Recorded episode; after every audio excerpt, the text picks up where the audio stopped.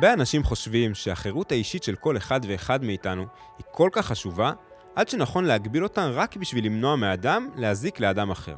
בכל סיטואציה אחרת, שבה הפעולה שלנו לא פוגעת באופן ישיר באדם אחר, אסור להגביל את החופש שלנו לפעול כמו שאנחנו רוצים. לדוגמה, יהיה קשה להצדיק הגבלות על מכירת אלכוהול, זנות או הטלת מיסים על משקאות ממותקים מנקודת המבט הזו, מכיוון שהן פעולות שעל פניו לא פוגעות באופן ישיר באף אדם אחר. ככה חשב גם ג'ון סטיוארט מיל בספר שלו שנקרא על החירות. ועל זה בדיוק אנחנו הולכים לדבר היום, יחד עם דוקטור שגיא ברמק, ראש תוכנית אדם סמית במכון ארגמן. אני מתנאל בראלי, ואני שמח שהצטרפתם לפרק נוסף של הקאנון, שיחות על ספרי מופת. בפרק הקודם דיברנו על החלק הראשון של הספר על החירות, ואני מזמין את המאזינים שהצטרפו אלינו לפרק הזה לשמוע גם את הפרק הראשון, כדי לקבל רקע היסטורי על מיל ועל התקופה שבה הוא כתב, ובשביל להכיר את הטיעונים של מיל לטובת חופש הביטוי. בפרק הזה אנחנו הולכים לדבר על הערך שמיל רואה באינדיבידואליזם, ועל עקרון הנזק, העיקרון שמגדיר מתי מותר להגביל חירות אישית של הפרט בחברה שרוצה להיות חברה חופשית. עכשיו, מיל קורא ל, ליכולת או לצורך לממש את החיים שלך בעצמך אינדיבידואליזם, כן? והיום זה איזשהו ביטוי שמשתמשים בו גם במובן שלילי, כביטוי שמתאר אה, מצב של התפוררות חברתית, איזשהו סוג של אטומיזם חברתי, כן, מצב אה, שכל אחד דואג לעצמו, לאינטרסים שלו, ו, ובעצם איזשהו מצב של אה, חוסר סולידריות.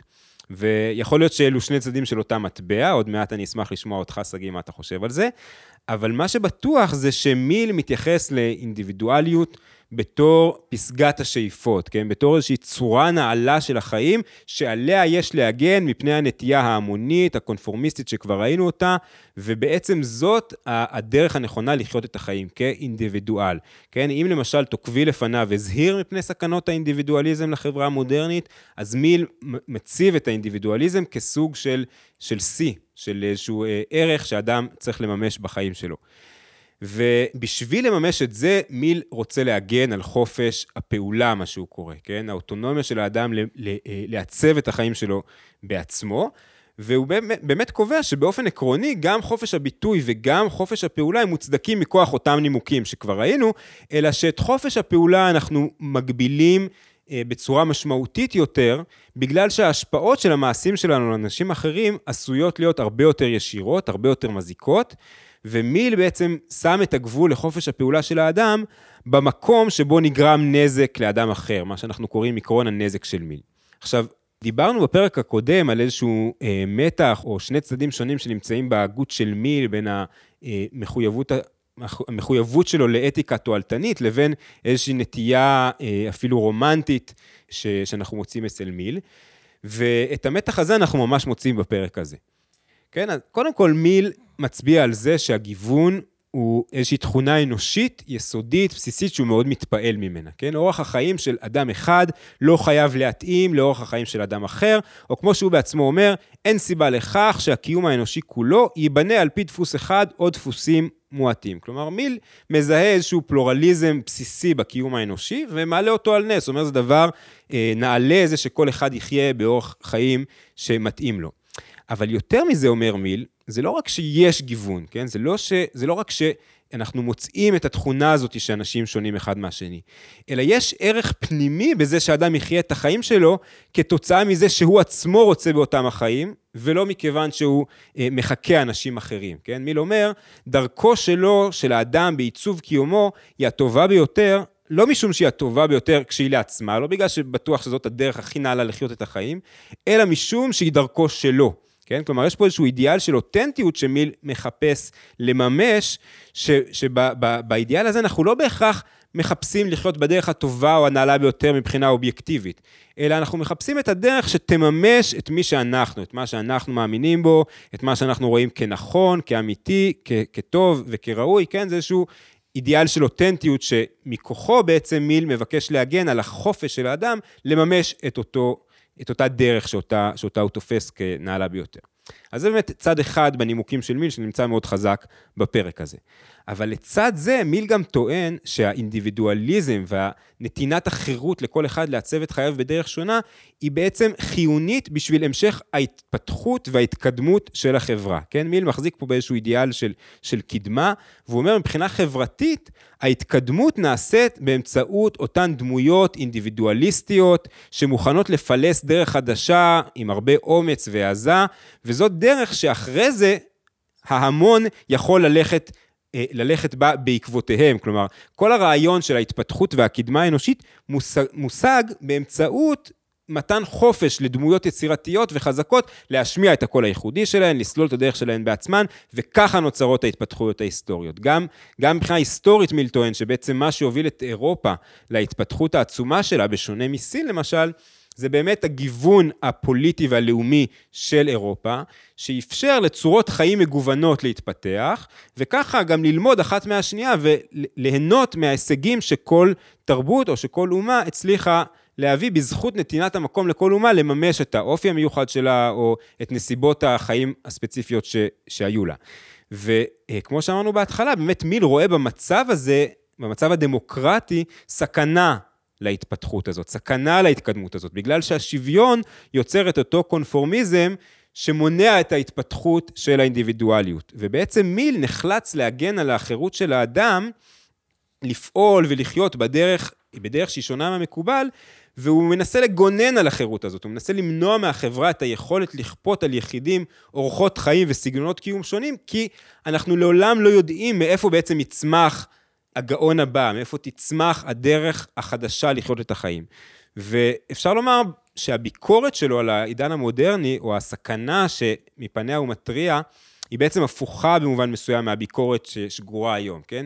היום מבכים את האינדיבידואליזם שבא יחד עם המודרנה. את זה שהמצב המודרני מאופיין בהסתגרות או התבודדות של כל אחד בפני עצמו ונטייה לחוסר סולידריות ובעצם החירות שמגוננת על דלת אמותיו של האדם, בעצם יוצרת איזושהי חברה אטומיסטית, ומיל מזהה במצב החברתי המודרני דווקא איום על האינדיבידואליזם, כן? דווקא איום על זה, על היכולת של, הדמו, של אותן דמויות יצירתיות לפרוץ ולסלול לכולם דרך חדשה בעקבות אותו שוויון, בעקבות אותו, אה, אותה עלייה של אה, אה, חברת ההמונים. אז שגיא, הייתי רוצה לשאול אותך עכשיו דווקא מתוך איזושהי נקודת מבט אישית יותר. האם אתה אוחז בעמדה האינדיבידואליסטית שהצגתי כעת בשם מיל, כן? האם אתה מזדהה עם אחד מהנימוקים האלו? אמרנו, יש פה גם נימוק רומנטי אולי של תפיסה אותנטית של החיים, וגם איזשהו נימוק תועלתני שהחברה, ההתקדמות של החברה תלויה בחירות הזאת. ובעיקר אולי, מה, מה אתה עונה לטענות שרואות באינדיבידואליזם בעיה של העולם המודרני ולא הישג שלו, או שלפחות מדגישות את המחירים החברתיים שיכול להיות שאנחנו נאלצים לשלם על זה שאנחנו בסופו של דבר רוצים לממש את האידיאל הזה שמיל מדבר עליו, של אותנטיות, של חתירה למימוש עצמי, ייחודי, סינגולרי של כל אדם בפני עצמו. אז מה, מה אתה חושב על הביקורת הזאת? אני חושב שכל הליברלים, אה, ובטח אני כליברל, אה, מזדהה עם רוח הדברים של מיל. אה, בסוף כל הליברלים מחזיקים ב, ב, בתפיסה שאני, שאני מכנה אותה כאינדיבידואליזם נורמטיבי. תסביר מה זה אומר. תפיסה לפיה אה, הפרט אה, הוא אבן היסוד, אה, ובסוף התכלית אה, של המשטר המדיני. אה, כלומר, אנחנו רוצים לארגן אה, קיום, אה, קיום מדיני וקיום חברתי באותו האופן שיאפשר אה, לפרטים השונים שמרכיבים את הגוף החברתי, לרדוף אחר העושר שלהם כפי שהם מבינים אותו לנכון. אז אה, אה, במובן הזה, מיל פשוט ביטא בצורה אולי המלאה ביותר, אולי העשירה ביותר, כן, את, אה, שוב, את התפיסה האינדיבידואלית והליברלית שהולכת אחורה, אה, אה, נניח, עד ללוק, כן, וכולל האבות האמריקאים המייסדים. כן? אז, אה, ואין שום ספק שזה גם מה שמבחין את הליברלים ואת הליברליזם מתפיסות לא ליברליות. התפיסות האלה יכולות להגיע מימין, יכולות להגיע משמאל, כן? אבל אין שום ספק שהליברלים אה, גם מנתחים את החברה מבעד אה, הנקודה של, של הפרט. מתוך תופס... נקודת המבט של האינדיבידואל. כן, כלומר, הם תופסים את החברה עצמה כבסוף... אינטראקציות שונות ומשונות בין פרטים שונים ומשונים, כן? לצורך העניין זה, נקרא לזה אינדיבידואליזם מתודולוגי, כלומר, מתודולוגית, כשאני מדבר על החברה, אני מדבר בהפשטה, בהכללה, על מה שבפועל זה שלל אינטראקציות, כן? של תן וקח. בין פרטים שונים שיכולים גם הם בעצמם להיות מאורגנים במסגרות שונות, החל ממשקי בית, דרך פירמות אה, וכלה בכנסיות אה, ואגודות. אבל בסוף זה האינדיבידואל הפועל, אוקיי? זה, זה, זה, זהו, זהו אינדיבידואל כסוכן של שינוי, כמי שמנסה לשפר את מצבו, כמי שמנסה לרדוף אחר העושר שלו. כלומר, כי... נקודת הניתוח הבסיסית, נקודת המוצא לניתוח, היא, היא האדם הפרטי. בדיוק, ואם נשתמש בטרמ... בטרמינולוגיה של מיל, כמי שמנסה להיות אדון על חייו, כן, ולחיות את חייו כפי שהוא מבין לנכון, אוקיי? מבלי שאחרים יכתיבו לו איך הוא צריך להתקיים בעולם הזה. אז זה בנוגע לחשיבות ולמרכזיות של הפרט אה, אצל מיל. ושוב, בואו נחזור לכותרת של הספר, על החירות. החירות של מי? החירות של האומה? מי לא כותב על זה, כן? Mm-hmm. החירות של המעמד? מי לא כותב על זה? כשמיל כותב על החירות, הוא מדבר על החירות של היחיד, כן? על חירות הפרט. ולכן הנקודה פה היא מאוד מאוד חשובה. בנוגע לתחלואים, שנניח אה, אינדיבידואליזם מוקצן יכול להוליד, אז, אז חשוב להדגיש פה שמי לא מדבר על אטומיזם.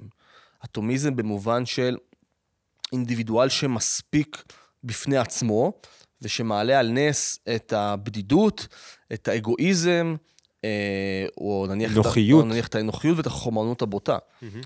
לא, מי מדבר על אינדיבידואליזם עשיר? חלק ממה שהופך אותנו לאינדיבידואלים עשירים, כן? אה, זה האינטראקציה שלנו עם אינדיבידואלים עשירים אחרים. היכולת שלי להגשים את עצמי כאינדיבידואל חייבת להגיע יד ביד, כן, עם היכולת שלי להתחבר לאינדיבידואלים אחרים, לתקשר איתם, דיברנו על חופש הביטוי בפרק הקודם, אבל גם לסחור איתם, בסדר? ולכן אינדיבידואליזם עשיר הוא אינדיבידואליזם שצומח במצע משותף שמאפשר לו אה, לתרום את מנת חלקו לחברה, אבל להתערם על ידי החברה כדי לחיות חיים שהם כמה שיותר עשירים ומאושרים. עכשיו, אין שום ספק שהמסגרת הליברלית מניחה לפרטים השונים לחיות גם חיים א-סוציאליים. Mm-hmm. כלומר, זה לא פשע לבוא ולהגיד, אני רוצה לפרוש מהחברה, או אני רוצה אה, לחיות חיים משמימים, שכל מה שמעניין אותי זה, זה, זה אני ועצמי והבית שלי. כלומר, אתה לא מפר אף כלל של צדק אתה לא פוגע, אתה לא מסב נזק ישיר לאף אדם אחר בצורת קיום שכזאת, באורח חיים שכזה, ולכן מיל היה מאשר את זה, גם אם הוא לא היה אוהב את זה. כן, אז חלק מלהיות אינדיבידואל, לצורך העניין, זה גם להיות אינדיבידואל ביקורתי, זה גם להיות, להיות אינדיבידואל שיפוטי, זה גם לבוא ולהצביע, כן, על כך של אני לא אוהב את מה שאתה עושה, או אני מאוד מאוד אוהב את מה שאתה עושה. אה, כלומר, אנחנו לא צריכים לבלבל אה, פלורליזם, כן, עם כל קבלה וכל איש, ו, ו, ואישור מוחלט של כל ביטוי אינדיבידואלי שיש. נכון, אבל האם, האם שגיא, כש... אה, בתיאור הזה של, ה, של היחסים בין, ה, בין היחיד לחברה, החברה תמיד מצוירת, כן, כשאתה קורא את מיל זה מאוד מאוד ברור, החברה תמיד מצוירת בתור האיום על החירות, בתור מה שמפניו צריך להתגונן, שתפקידו של הליברל הוא לבצר את החירות של, של היחיד, לבצר את דלת אמותיו של הפרט, ובמובן הזה, גם אם אתה צודק בזה שמיל לא מעלה על נס חיים אנוכיים וחיים אינדיבידואליסטיים, האם זה לא פועל יוצא מהעמדה שלו, שעסוקה כל הזמן בלצייר את החברה בתור זאת ש... אה, אה, אה, היא לא מקור למשמעות, היא לא יכולה להיות מקור למימוש דרך החברה, אלא היא מקור לאיום על ה... על האני שלי, על העצמי שלי, על אותו היבט אותנטי שאותו אני רוצה לממש. כלומר, אנחנו אף פעם לא נשמע שבחים, לא נשמע את מיל מתאר את החברה בצבעים חיוביים, בצבעים ש... מעודדים את האדם לקחת חלק בעשייה חברתית, לקחת חלק בעיצוב הסדר הפוליטי. זה לא איזושהי מידה טובה שמיל אה, מעלה על נס אה, של שותפות אזרחית, או של איזה שהם היבטים שיכולים להתממש רק במסגרת חברתית, אלא תמיד התיאור של החברה יהיה תיאור של איזשהו כוח עצום שהוא אה, מאיים, שהוא שלילי ושמפניו צריך להתגונן. אז תראה, אם, אם לפי מרקס דברי הימים הם אה, אה, למעשה אה, סיפורם אה, של מלחמות מעמדות, אז אצל מיל, והוא מציין את זה בתחילת הספר, כן? אז דברי הימים הם המתח המתמיד של בין חירות למרות. אני חושב, אני חושב שמה שמיל היה מצביע עליו, זה שחירות הפרט היא היוצא מן הכלל בהיסטוריה האנושית. אוקיי? זה סוג של פרח שברירי, שמאוד מאוד קל אה, לשכוח שהוא לא מובן מאליו. כלומר, חירות היחיד, כמו שאנחנו מבינים אותה, כמו שעבור אה, רובנו היא, היא באמת אה, טבעית, חלק מטבע הדברים, Obvious. מעולם לא הייתה כזאת, ולמעשה היא צמחה אך ורק באזורים מאוד מאוד אה, בודדים בעולם. ואם ניקח את אנגליה, אולי היא סוג של בירת, או המקום הראשון, שבו חירות הפרט הפכו להיות חלק מהתרבות הלאומית והפוליטית עצמה. כלומר, כלומר, חירות היחיד הפכה להיות מה שמאפיין את את האנגלים. Mm-hmm.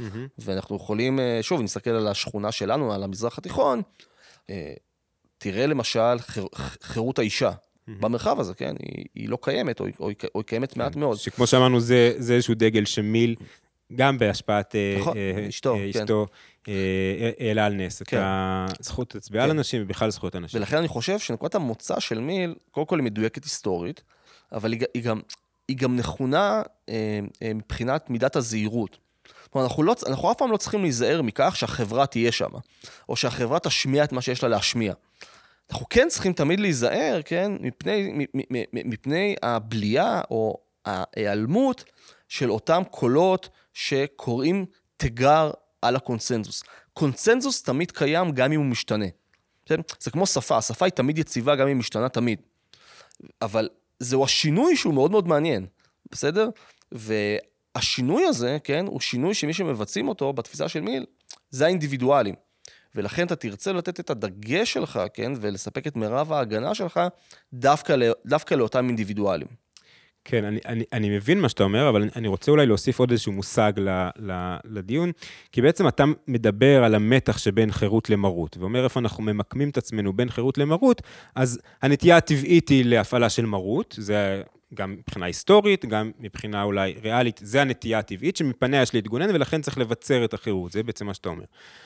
אבל יש פה עוד איזושהי נקודה, וזה המובן של מאיפה אדם יונק משמעות, כן? יש, אה, לצ'ארלס טיילור, יש אה, ספרון קצר שנקרא מועקת המודרניות, זה בעצם הרצאות שהוא נשא ברדיו, ושם הוא, הוא מבקר את האידיאל האותנטיות בגרסה הקיצונית שלו, אולי אפילו השטחית שלו, והביקורת שלו כרוכה בזה שהוא מצביע על זה שהרעיון הזה שאדם...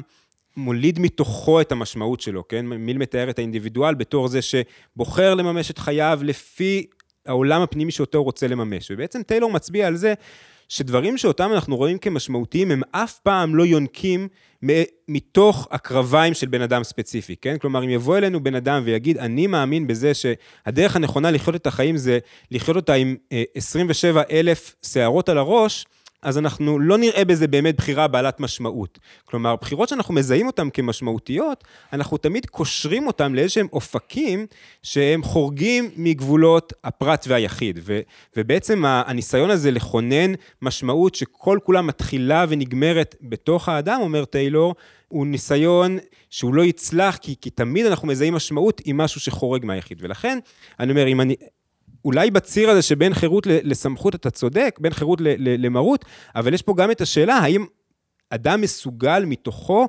להוליד צורת חיים, דרך חיים, כמו שמיל מציע לו, שבאמת היינו מזהים אותה כבעלת משמעות. אנחנו יכולים לדבר על טיילור, אני חושב שזו ביקורת לא הוגנת כלפי מיל, אני אסביר למה. תראה, מיל כותב את על החירות, הוא לא כותב את על המשמעות. Mm-hmm. למה הוא עושה את זה? הוא עושה את זה משתי סיבות. אחד, הוא לא חושב שיש בעיה עם מציאת משמעות. כלומר, באנגליה של תקופתו, אין יותר מדי אנשים שקמים בבוקר ואומרים, מה המשמעות של כל זה. כלומר, אה, אמפירית אם תרצה, כן? כשמסתכלים על זה, כן? לאנשים יש משמעות. Uh, המשמעות יכולה להיות, אה, יכולה להיות, נקרא לזה מעשית, כן? אנשים קמים בבוקר, הולכים לעבוד מתוך מטרה לפרנס את, ה, את המשפחות שלהם ולאגור או לאסוף, נקרא לזה, רגעים של, של הנאה, אבל הנאה במובן העמוק, כן? של mm-hmm. חוויות משותפות לאורך זמן ביחד. והרבה מאוד אנשים אחרים, כן, אה, עושים דברים, עושים דברים אחרים שמעניקים להם, שמעניקים להם משמעות. ואני חושב שאם אנחנו מסתכלים על פילוסופיה פוליטית בכלל, אני חושב ששאלת המשמעות לא העסיקה את הפילוסופיה הפוליטית אף פעם. כי... אה, אה, את אריסטו היא העסיקה. אני מסכים, אני חושב ש... אני אגיד ככה, היוונים לא שאלו שאלה על מהי המשמעות, הם שאלו מהם החיים הטובים. אבל הם, הם, הם, ו- הם ו- סברו שהתשובה לחיים הטובים נמצאת בממד הפוליטי. אוקיי, אז על זה אפשר להתווכח. ואני חושב שגם הפילוסופים היוונים, היעדר משמעות מבחינתם לא הייתה סכנה. מה כן הייתה סכנה? חיים שאינם יאים לבני אדם. ו- ומכאן התשובה הפילוסופית השונה, כן, של מהם החיים הטובים. מי לא מוטרד ממשמעות? מבחינתו של מי בני אדם תמיד ימצאו משמעות לחיים שלהם. עכשיו, אפשר להתווכח, כן, על, אה, על טיב המשמעות הזאת. אבל מבחינתו של מיל, שוב, אני, אני, אני נכנס לנעליים שלו, כן, זה נון אישו. ובתקופתו, הבעיה המרכזית והסכנה המרכזית, היא שאנחנו לא מעניקים לאנשים את החופש לרדוף אחר המשמעות שלהם. זה כמו, אם אני למשל נזכר בהקשר האמריקני, כן, אז האבות המייסדים דיברו על the pursuit of happiness. מהמם. ויש פה שאלה, כן, למה הם התכוונו בהפינס. אבל מה שהם לא הוטרדו ממנו, זה שזה זה איזושהי מציאות שאנשים יקומו בבוקר יום אחד ויתחילו לגרד את הראש ויגידו, אוקיי, כאילו, אחרי מה אני רודף או למה אני צריך לרדוף. עכשיו, זה לא בא לשלול אה, אה, משברים פרסונליים שאנשים שונים חווים במהלך החיים שלהם, ש, אה, שמשפיעים על, המש, על המשך הקיום וההתפתחות שלהם.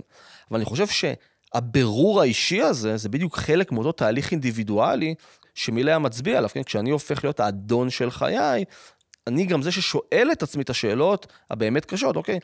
מהי המשמעות של החיים? מה המטרה? איזה חיים אני רוצה לחיות, כן? איך אני רוצה להתנהל בעולם הזה? מה אני רוצה להשאיר אחריי? וכן הלאה וכן הלאה. כלומר, אז הייתי אומר ככה, הייתי אומר שאוטונומיה, שאוטונומיה אישית נרחבת היא תנאי הכרחי לחיים בעלי משמעות, כן? גם אם היא לא תנאי, גם אם היא לא תנאי מספיק. עכשיו, מיל היה אומר, איפה הסיכוי שלי למצוא יותר משמעות לחיים שלי, אם לא בחברה של אינדיבידואלים חופשיים. אתה מבין? כלומר, הסיכוי של חברה חופשית להוליד תשובות בעלות משמעות לחיים שלנו, הוא הרבה יותר גדול מחברות, מחברות שהן לא חופשיות. אז האמת שבזה אתה, אתה מטרים איזו שאלה, שאלה שלי, ש... כלומר, מה שאתה מציב כסימן קריאה, אני מציב כסימן שאלה. כלומר, יכול להיות שאתה צודק שבתקופתו של מיל אנשים לא, לא הוטרדו משאלות של משמעות, אבל בפרספקטיבה היסטורית ו, ומפרספקטיבה שלא לוקחת זמן נתון ומסתכלת עליו, אלא מסתכלת על, על מגמות ארוכות טווח, יכול להיות שאז אנשים לא שאלו את שאלות המשמעות, אבל יכול להיות שאנשים היום שואלים את שאלות המשמעות בין היתר בגלל עמדות מהסוג של מיל. אבל אני רוצה לשאול את השאלה הזאת אחרי שנציג את, ה, את הטיעון הבא של מיל, כי אני חושב שזה קשור באופן הדוק לדיון הבא שלנו. אז באמת הפרק האחרון, זה הרביעי, סליחה, אחד לפני האחרון של הספר, מיל בעצם עוסק בשאלת הגבול, כן? הוא קורא לזה גבולות ההתערבות של החברה בחיי היחיד. עכשיו, הרבה פעמים שאלת הגבול היא השאלה הדרמטית. כלומר, יש לנו איזשהו ערך או אידיאל שאנחנו מבקשים לממש אותו, ודרך השאלה מה הגבול של אותו אידיאל, אנחנו יכולים לגלות איזשהו משהו מאוד עמוק על אותו, על אותו אידיאל. עכשיו, זה לא רק שאלה טכנית, איפה צריך לשים את הגבול. הרבה פעמים היא שאלה מהותית, שמנסה להבין מה היחס בין רעיון מסוים לבין רעיונות אחרים, מנוגדים או מתנגשים. ובאמת מה שמיל מנסה לעשות בפרק הרביעי זה בעצם לפרוע את הצ'ק שהוא כתב לנו, הקוראים, במבוא. כן? שם הוא הבטיח לספק לנו עיקרון אחד פשוט שמגדיר מתי אפשר להגביל את החירות של היחיד, ופה מיל מבחין בעצם בין התנהגויות של אדם שאולי הן ראויות לגינוי מוסרי וחברתי, לבין מעשים, ופה אני מצטט, שגורמים רעה לאחרים. כן, בעצם מה שמיל אומר, יש מעשים שאולי אנחנו לא אוהבים. אבל הדרך להשפיע על מי שעושה אותם לפי מיל, זה דרך של חינוך, איזשהו יחס חברתי מסוים, אולי לשכנע, אבל לא באמצעות של כפייה. עכשיו, כמו שאמרת בעצמך, חשוב למי להדגיש שהוא לא אדיש כלפי התנהגויות לא מוסריות, או התנהגויות שאנחנו נחשיב אותן כשליליות, אבל עדיין הוא סובר שיש איזשהו פער בין זה שאנחנו לא אוהבים התנהגות מסוימת, לבין השאלה מתי אנחנו יכולים לאסור על אותה התנהגות, מתי אנחנו יכולים לכפות על האדם שרוצה לקיים אותה את מה שאנחנו, החברה, תופסת כנכון וכמוסרי יותר. ובעצם מיל אומר, הגבול הוא איפה שנגרם נזק לאדם אחד כתוצאה מהמעשים של אדם אחר. נפגעות הזכויות שלו, נגרם לו איזשהו הפסד ממשי בצורה לא מוצדקת, מרמים אותו במשא ומתן, מנצלים אותו וכולי. אבל כל עוד לא נגרמת פגיעה לאחר, החברה בעצם לא רשאית לכפות את חוסר שביעות הרצון שלה מאותה אה, פעולה, היא יכולה רק להביע אותו, או לנסות לשכנע את אותו אדם. אפשר למשל, מיל אומר, למתוח ביקורת ישירה, אפשר להימנע מחברתו של אדם כזה, אפשר אולי גם להזהיר אנשים אחרים מפניו, אבל אי אפשר לאסור עליו לבצע את אותה פעולה. עכשיו, יש משהו מאוד uh, פשוט ואולי אפילו אינטואיטיבי ב, בעיקרון הזה, ובכל זאת, הרבה, הרבה מבקרים ביקרו את מיל על, ה, על העיקרון הזה, ובעצם הם, הם ניסו להראות שאי אפשר באמת למתוח את הגבול בצורה כל כך פשוטה, כמו שמיל רוצה, סביב עקרון הנזק, כן? למשל, אנחנו יכולים לשאול מה בעצם נחשב לנזק, כן? הרי כמעט כל פעולה של אדם, יש לה היבטים מסוימים שהיא שייכת באופן אישי לאותו בן אדם, ויש לה היבטים מסוימים שהיא משליכה על אנשים מסביבו. למה למשל פגיעה ברגשות דתיים, שזה דוגמה שמיל עצמו מביא, היא לא נחשבת לנזק, ופגיעה גופנית היא כן נחשבת לנזק. אז זה איזושהי אה, ביקורת אחת, שגיא, שאני אשמח שתתייחס אליה. אבל בהמשך באמת לדיון הקודם שלנו, יש עוד איזשהו כיוון אחר של ביקורת על העיקרון של מיל, וזה בעצם ביקורת שטוענת שהעיקרון של מיל הוא עיקרון חירות רזה מדי. במובן הזה, כן, גרטרוד דימלפרב, שהזכרנו אותה בפרק הקודם, היא בעצם טוענת שהעיקרון של מיל עשוי להוביל למצב, ממצב של חירות למצב של הפקרות חברתית. ושבעצם מיל, מבלי לשים לב, הוא מנסר את הענף שהוא יושב עליו, הוא פוגע בנורמות חברתיות שרק הקיום שלהם הוא זה שמאפשר בעצם לתת את אותה חירות. כלומר, יכול להיות שהעובדה שאנשים לא הוטרדו משאלות המשמעות, היו, הייתה, היא קשורה לאיזשהן נורמות חברתיות שהיו אולי דתיות, אולי קשורות להיסטוריה, למנהג וכולי, שהשאלה האם עקרון החירות, אם אנחנו מציבים אותו כעקרון על בסמכות החברה כלפי היחיד, הוא לא פוגע בנורמות האלה, שהם אלה שאפשרו את החירות, כן? עכשיו, הימלפרב טוענת למשל שליברלים אחרים שקדמו למיל, כמו טוקוויל, כמו אבות המייסדים שהזכרת קודם, וגם מיל עצמו, דרך אגב, בכתבים אחרים שלו, מציבים עיקרון חירות פחות רדיקלי. כלומר, עיקרון חירות שמאפשר להגביל חירות של האדם גם למען מושגים כמו המידה הטובה הציבורית, המוסר הציבורי. טוקוויל למשל סבר שהדת מאוד חיונית לחירות, אה, הוא דיבר על החשיבות של המנהגים המקובלים, של התרבות. אימלפרב כותבת, חירות מוחלטת נוטה אף היא להשחית באופן מוחלט. חירות המנותקת ממסורת ומוסכמות היא בעצם סכנה לליברליזם עצמו, ככה היא קובעת. ו, ואולי אפילו אני אזכיר מהקצה השני, ניטשה למשל, כן? ניטשה אה, מאוד לא אהב את מיל, הוא קרא לו אה, שטוח מוח בלשונו. הוא בעצם ביקר את מיל על זה שהוא לא לא, לא מבין, הוא לא ער לעובדה כמה הנורמות החברתיות שמיל עצמו מכיר ונשען עליהן, כמה הן נשענות למעשה על הדת הנוצרית, שהיא זאת שריסנה את הטבע הפראי של האדם. ובעצם אם אנחנו הולכים עם הביקורת של מיל על הדת ועל המוסר הנוצרי, שזו ביקורת שנמצאת גם פה וגם בכתבים אחרים שלו, מהר מאוד מיל יגלה, ככה ניטשה טוען, שאותן נורמות חברתיות שאותן הוא מזהה כנורמות מובנות מאליהן, איזשהו נימוס בסיסי, איזשהן אה, נורמות שמאפשרות בכלל את הקיום החברתי, הוא יגלה שהן קורסות. ובעצם זה, זה מעלה את השאלה, מה קורה כשאתה מעביר משהו מהתחום הציבורי שניתן לאכיפה אל התחום הפרטי. איזה מסר אתה בעצם מעביר לגבי מידת החשיבות והחיוניות של אותו דבר, כן? יכול להיות, כלומר, כשאתה אומר למשל, דת היא עניין פרטי, היא לא עניין ציבורי, ולכן אי אפשר לכפות על אדם פגיעה בחירות שלו בגין נורמות דתיות מסוימות, כן? ובעצם אתה מעביר אותה אל התחום הפרטי. האם אתה לא בזה גם מעביר איזשהו מסר מסוים כן, לגבי מידת החשיבות והחיוניות של אותו דבר, שברגע שאתה אומר, הוא לא שייך למרחב הציבורי, הוא שייך למרחב הפרטי, האם זה נתפס באותו אופן שהדבר הזה נתפס קודם, כן? אימלפרב אומרת, דוגמה, דוגמה מוכרת שהיא נותנת, היא אומרת, אם הממשלה מרגישה מחויבות לצמצם את החירות בשביל להגן על, אה, על הפרט ממזון מקולקל, אבל לא מפני ספרות קלוקלת, זה אומר שמזון מקולקל זה עניין רציני הרבה יותר מספרות מקולקלת. ו- ו- ו- ובעצם זה, זה, זה מעלה את השאלה, כמה בכלל האדם יכול לגייס בתוכו משאבים פנימיים בשביל להכריע שדבר מסוים הוא א', פסול מבחינה מוסרית, ובזמן שהחוק הפוליטי מתיר את אותו דבר, ו, וגם אחרי שהוא זיהה אותו כדבר פסול מבחינה מוסרית, האם הוא מסוגל למצוא בתוכו משאבים בשביל להתמודד עם אותו, עם אותו דבר. ו, ובעצם אם אני אסכם את, ה, את הביקורת השנייה, הטענה היא שבשביל להגן על החירות שאותה מיל מבקש לבסס, בעצם צריך להגן, או צריך לנסח עיקרון חירות שהוא פחות רדיקלי ממה שמיל אומר, וכן לאפשר כפייה במידה מסוימת, ש, מנימוקים של מוסר ציבורי, של דת, של, של נורמות מקובלות וכדומה, בשביל לכונן את אותה חירות שאותה מיל מבקש לכונן. טוב, אלה אה, שתי שאלות אה, ענקיות.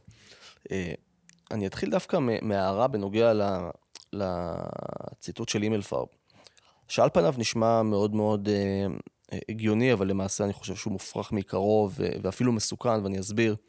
אז אימלפרב אומרת, ואני מאוד מאוד מעריך אותה, את אימלפרב.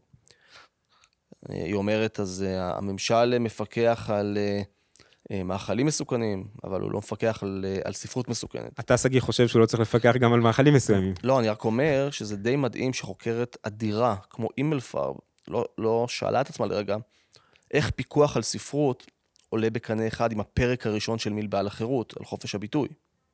כלומר, מה מיל אומר לנו בפרק הזה? אומר, אני בעד חופש ביטוי שהוא באמת הוא מוחלט, כל עוד אין קריאה ברורה, נניח, להפרת החוק אה, או לפגיעה באחר. כלומר, עצם האמירה של, אימלפ... של אימלפרב יוצאת מתוך נקודת הנחה שהיא יודעת מהי ספרות מסוכנת, והיא סומכת על, על המדינה נניח, שהיא תבטיח שרק הספרות המסוכנת הזאת אה, לא תבוא לידי ביטוי, ואז חזרנו עוד פעם לדוגמאות של מיל, של ישו אה, סוקרטס. וסוקרטס, כן? כלומר, אני חושב שאימלפרב, שחלק מהביקורת שלה על מיל היא בהחלט במקום, אני חושב שזו דוגמה ל, ל, ל, למקום, זאת אומרת, היא הפליגה בביקורת שלה עד כדי כך, שהתנתקה לחלוטין ממה שכן היה מוצק בדברים של מיל. עכשיו בואו נחזור לשאלה הראשונה, וזה ההבחנה של... אה, אה, בין פגיעה, נקרא לזה פיזית, כן? כחלק mm-hmm. מעיקרון, מעיקרון הנזק של מיל, הזכרת פגיעה ברגשות, הזכרת את הפגיעה ברגשות של האדם המאמין. עכשיו, זה הדוגמה יכול... שמיל עצמו כן, אז, אז אני אומר, קודם כל, גם אם קשה לנו, גם אם, גם אם העיקרון של מיל רזה מדי, ואני חושב שהוא רזה מדי, ותכף אני ארחיב על זה, גם אם הוא רזה מדי, זה לא אומר שהוא אה, שגוי לחלוטין, אני חושב שזה עיקרון שהוא common sense לגמרי. עכשיו, מה המשמעות של פגיעה ברגשות, ואיך זה מובדל ומובחן מפגיעה פיזית? תחשוב על זה. אה, אם אנחנו מקבלים פגיעה ברגשות כמשהו שהוא כעיקרון לגיטימי, mm-hmm. זה אומר שבכל פעם שמישהו מקנא במישהו אחר, אנחנו צריכים, אה, אנחנו צריכים אולי לפצות את האדם הקנאי, אולי שמה, אתה מצליח, לא יודע, יש לך אה, אה, משפחה נהדרת וקריירה משגשגת ולי פחות, ואני מקנא בך, ואתה פוגע בי, בוא תפצה אותי, כן? מזל ששנינו עובדים במכון ארגמן. זהו. ומצד שני, אה, כמו שנניח האדם הלא דתי אולי פוגע ברגשות של האדם הדתי, אז הלא דתיים יכולים לבוא ולהגיד, אתם פוגעים ברגשות שלנו כשאתם מאמינים בדברים שאתם מאמינים בהם, ואנחנו בכלל לא מסכימים בהם, וזה עושה לנו רע. אז שוב, כמו שאפשר להבין, אה, מאוד מאוד קשה למצוא את הידיים ואת הרגליים ברגשותיו של מי נפגעות ולמה, ואני חושב שמה שמיל היה, היה בא ואומר, שבחברה של אינדיבידואלים שווים ובוגרים, פגיעה ברגשות היא לא סיבה מספיק חזקה אה, להטיל מגבלות על אחרים. ועם זאת, גם פה יש יוצאים מן הכלל שמעמידים את העיקרון של מיל באמת כעיקרון רזה מדי. אז בואו ניקח שתי דוגמאות. בואו ניקח את הדוגמה של באמת אה, אה, עירום ברחוב, mm-hmm. נכון? אתה יכול לבוא ולהגיד, כש, כשאני הולך בלי בגדים ברחוב, אני לא פוגע ברגשות של אף, אני, אני, אני לא פוגע, סליחה, אני לא פוגע ב, בזכויות או ב... אה, לא מזיק באופן ישיר כן, לאף אני לא אדם. לא, אני, אני לא מזיק באף אחד, ועדיין כל החברות, כולל אנגליה של מיל, כן, אה, אוסרת על אה, אה, התערטלות ברחוב, כן? Mm-hmm. ואפשר, לא יודע, אפשר להרחיק או לקנוס, לקנוס אנשים. או אם נביא דוגמה אחרת, אה, גילוי עריות.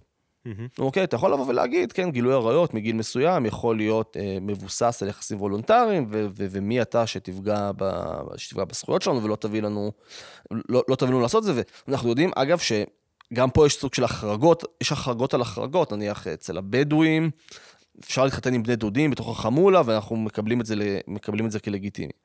אז אני אומר, אנחנו, אנחנו יכולים לחשוב, גם בכל מה שנוגע ל, לרגשות הציבור, על החרגות מהכלל של מיל, אבל שים לב, הטיעון של מיל הוא ככה. הכלל הוא, כלומר 99% מהמקרים, פגיעה ברגשות לא מצדיקה שום התערבות מצד המדינה. יש אחוז מסוים של דברים מאוד מאוד מינימליסטיים, שהפכו לכל כך חלק מה, מה, מה, מה-DNA הקיבוצי שלנו, שאיתם אנחנו לא יכולים להשלים, ולכן באותם מקרים ספציפיים, אנחנו, אנחנו נשלול או נגביל את החירות האנושית. זה אחד. עכשיו, אני כן חושב שהעיקרון של מיל בסופו של דבר אה, הוא רזה מדי, אבל רזה מדי באיזה מובן? הוא רזה מדי במובן של, במובן הזה שמיל לא מתייחס באמת לקשרים החברתיים שמחזיקים אותנו ביחד.